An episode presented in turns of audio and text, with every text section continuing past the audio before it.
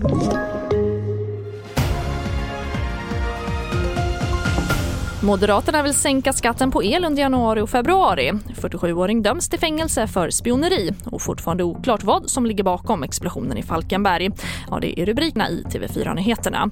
Moderaterna föreslår alltså att skatten på el slopas under januari och februari på grund av de höga elpriserna, vilket motsvarar cirka 2 000 kronor per månad för en vanlig villa.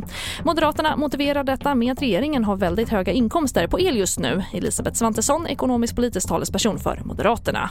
Ja, men staten tjänar ganska mycket pengar när, när elpriset är högt. Eh, och vi menar att de ökade momsintäkterna som handlar om 7 miljarder bara under vintermånaderna, de borde gå tillbaka till hushållen. Särskilt med tanke på att en orsak till att vi har höga elpriser beror ju på dålig energipolitik.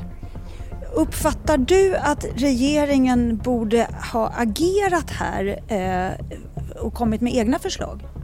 I 20 av EUs 27 länder så gör man ju, antingen har man infört något stöd till hushållen eller så är man på väg att göra det.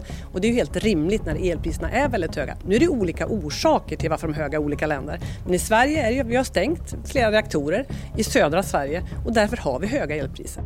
Och hon intervjuades av Ann Tiberg och en längre kommentar från Svantesson kan du se på tv4.se.